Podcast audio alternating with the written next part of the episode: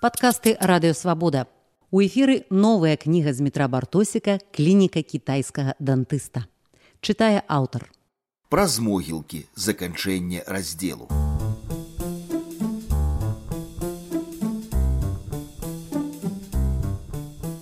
У снежні 1998 году з Менску адлятаў рэйсавы самалёт у ЗША. Амерыканскія шпіёны вярталіся на радзіму, а беларускія буржуі спяшаліся на заморскія калядныя кірмашы. Але адно месца ў салёне засталося незанятым.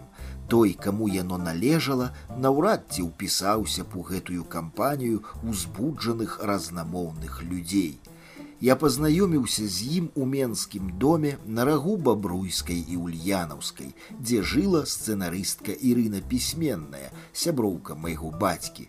Тут я часта спыняўся на начлег, і гэта быў першы жывы беларускі пісьменнік у маім жыцці.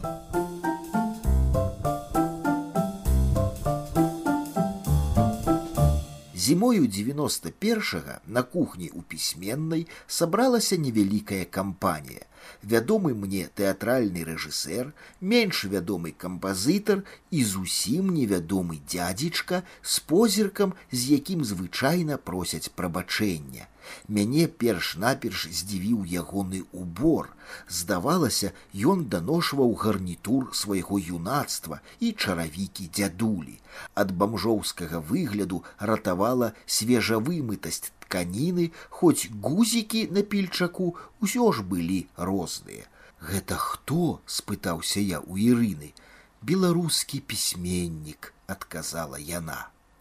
З аднаго боку мне стала шчыра шкада беларускай літаратуры, прэзентаванай такім горкім чынам.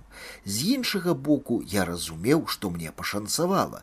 Я ўпершыню сустрэў творцу той літаратуры, якую тады толькі пачынаў асвойваць. Калі ён назваў сваё прозвішча, я з прыкрасцю адзначыў, што яно мне ні пра што не кажа. Каб неяк выявіць павагу да чалавека беларускага слова, я наколькі мог пранікнёна спытаў: « Як вы лічыце, ці загаворыць беларускі народ на сваёй роднай мове? Адказ быў імгненны: « Не, не загаворыць. Пасля, трохі падумаўшы, ён дадаў: « Але ці варта праз гэта сумаваць.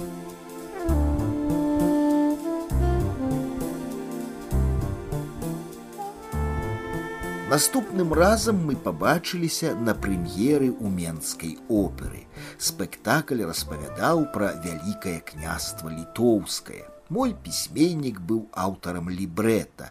Басавітыя мужыкі на сцэне удавалі князёў, партэр зяў тварамі апазіцыі. Як толькі з рыштавання апускалася аграмадная фанерная пагоня, нашчадкі вялікай літвы з партэру пачыналі скандаваць жыве Беларусь. Такое непасрэднае ўспрыняцце мастацтва мяне проста зачаравала. У антракце я заўважыў пісьменніка. На ім быў усё той жа патрапаны векам гарнітурчык. Мне здалося, што ён расчараваны пастаноўкаю, і я паспяшаўся рассыпацца ў кампліментах. Маўляў, музыка так сабе, але вось сюжэтная канва, дынаміка кампазіцыі, касцюмы. Ён толькі сумна мне пасміхнуўся. Апошні раз я сустрэў яго неяк улетку я нават не адразу пазнаў свайго пісьменніка. Ён быў у белых штанах загарэлы і выглядаў зусім рэспектабельна. Толькі ягоная прабачлівая усмешка нікуды не падзелася. Ну у вас не іначай выйшла нешта новенькае, сказаў я. Сёе тое выйшла. Пра тое, што ў яго выйшла, я даведаўся ад агульных сяброў.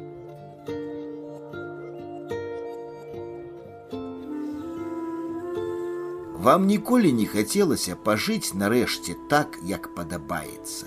калі заўгодна ўставаць куды заўгодна з'ехаць спыніцца ў самым нечаканым гатэлі замовіць у рэстарацыі самую неверагодную страву і хоць у гэтым малым адчуць свабоду наведаць у парыжы манмартр і абысці бокам люр бо не пацягнула заснуць у вечным горадзе на лаве каля калізею каб упэўніцца што зоркі над рымам не больш вечныя за небасхіл над менскам вам ніколі не было страшна не паспець Менавіта страхам спазніцца я тлумачыў хуткае рашэнне пісьменніка прадаць сваю трохпакаёўку ды кінуцца ў свет белы Рым, Парыж, Нью-Йорк.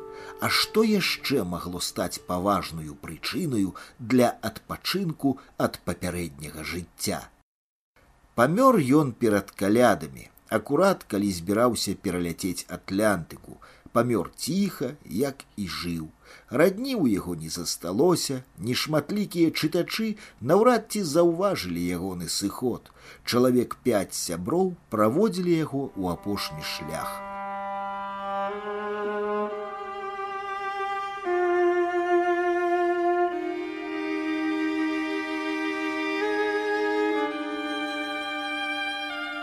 Зусім нядаўна у букіністычнай кнігарні я набыў кніжку Леаніда Пракопчыка дрэмле памятка дзён.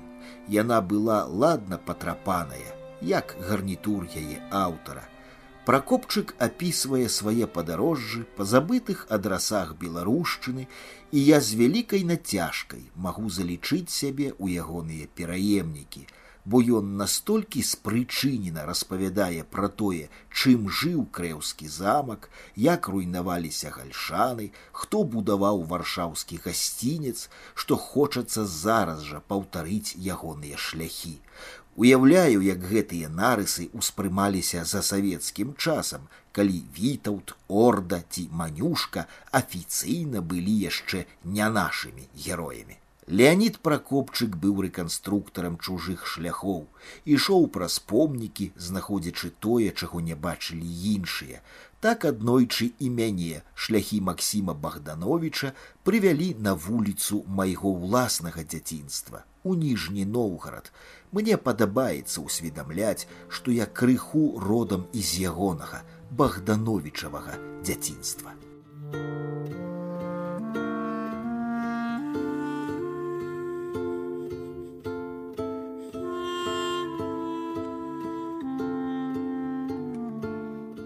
Неяк расійская пісьменніца Татьяна Толстая назвала незалежнасць краін, што выйшлі з ССР шляхам у ліліпутію. Я нарэшце зразумеў, пра што яна. Якія беларусы дробныя людзі асабліва востра адчуваеш у рассеі. Вы толькі прыслухайцеся, пра што гамоняць жыхары менску ці гомля, у чэргах, у цягніках, у кавярнях, альбо залатыя зубы трэба памяняць на кераміку, альбо дачцэ студэнцы знайсці таннейшую кватэру ў сталіцы, альбо раздабыць гадавую візу стрыечнай пляменніцы. Карацей, што не праблема, то нейкая бздура, маленькія праблемы маленькіх людзей маленькай краіны. Іншая рэч у рассеі. Дастаткова прыехаць на пару дзён да сваякоў у ніжні, каб здзівіцца, наколькі маштабныя чалавечышчы насяляюць краіну.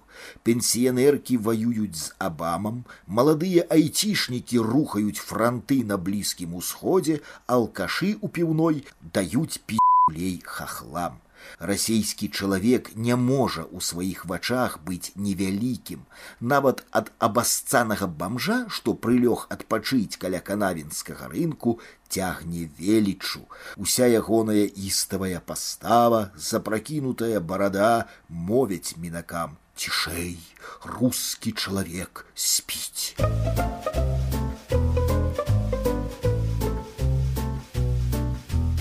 1993 да мяне ў Беларусь з ніжняга прыехаў братан Вовачка, каб разам са мной праехацца па нябачанай дагэтуль мною таксама краіне, Мы праз мір, нясвіж, слонім і горадню цягнікамі ды аўтобусамі даехалі да вільні і всю дарогу не пераставалі здзіўляцца еўрапейскаму краявіду. Яшчэ не адрэстаўраваны мірскі замак сваімі чорнымі расколінамі ў вежах быў здольны хваляваць, яшчэ над слонімам не луналі вычварныя цыбуліны, на нясвійскім рынку братан пачуў і да ягонага здзіву не зразумеў беларускую мову. Гуркі смачныя, мо цэлы слоік возьмеце, спыталася ў нас тётка. А перад гмахам горадзенскай фары мой знішчаны братан стаяў і прысвістываў: « Во, где Европа-то! Да хаты вовачка з'ехаў з гіпсавай пагоняй з бел чырвона-белым сцяжком і касетую надта упадабанай ім крамы. З тае пары я вельмі спакойна ставіўся да пагрозы з усходу, бо ў мяне была свая лякмусавая паперка. У ніжнім жыве братан, слесар дэпо горкі маскоўскі, які слухае краму, глядзіць на пагоню і ведае, дзе Европта. І вось я разам з сям'ёю адправіўся ў ніжні.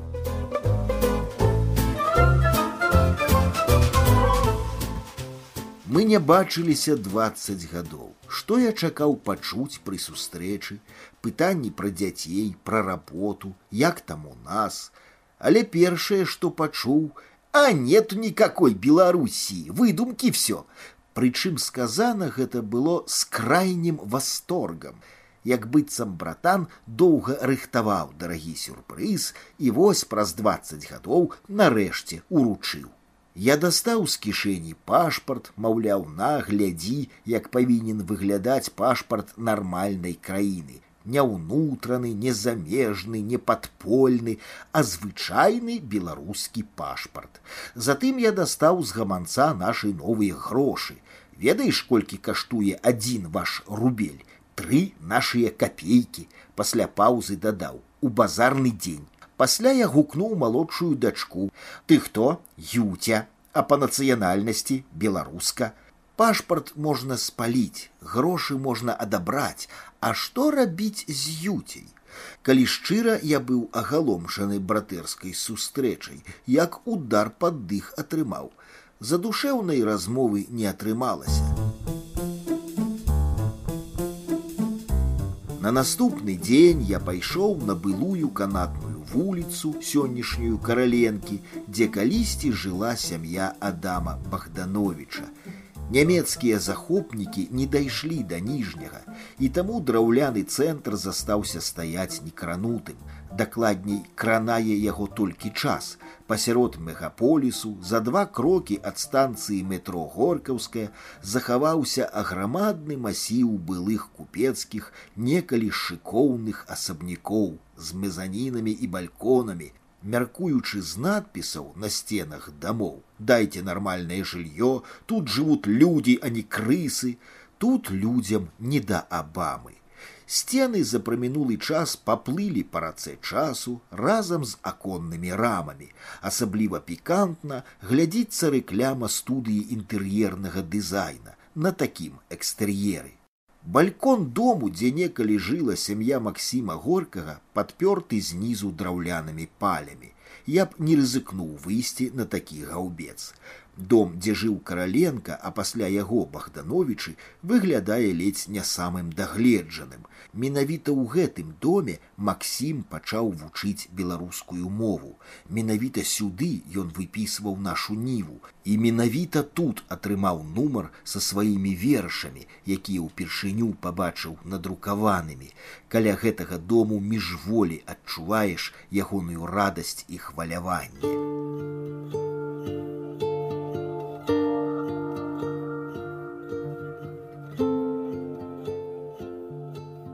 Ад тых часоў прамінулі нейкія сто гадоў. Беларусь як ні круці за мяжой і яна ёсць. Але каля Масімавага дому не стала спакайней. І не таму, што раён гарадскія ўлады асудзілі на знос. Сын братана вовачкі, якога я некалі гушкаў на руках, глядзіць на мяне нядобрым позіркам, як на здрадніка, А што будзе рабіць унук і праўнук, той, які бязлітасна зруйнуе старыя дамы, ці не захочацца яму на танку давесці нам, што нету никакой Беларусіі. Зрэшты, у той дзень, калі ў гэты дом прыйшоў паштальён, які прынёс нашу ніву з упершыню надрукаванымі вершамі Максіма Богдановича, Беларусь выглядала для паэтавых сваякоў і сяброў гімназістаў не краінай, не нацыяй, не культурай, а ў лепшым разе хлапечым захапленнем, бздурай дзіцячай. Я прыклаў руку да цёплай сцяны старога дому, сто гадоў не прайшлі дарэмна. Вы слухали эпізод з новай кнігі з метра бартосіка клініка кітайскага дантыста у выкананні аўтара.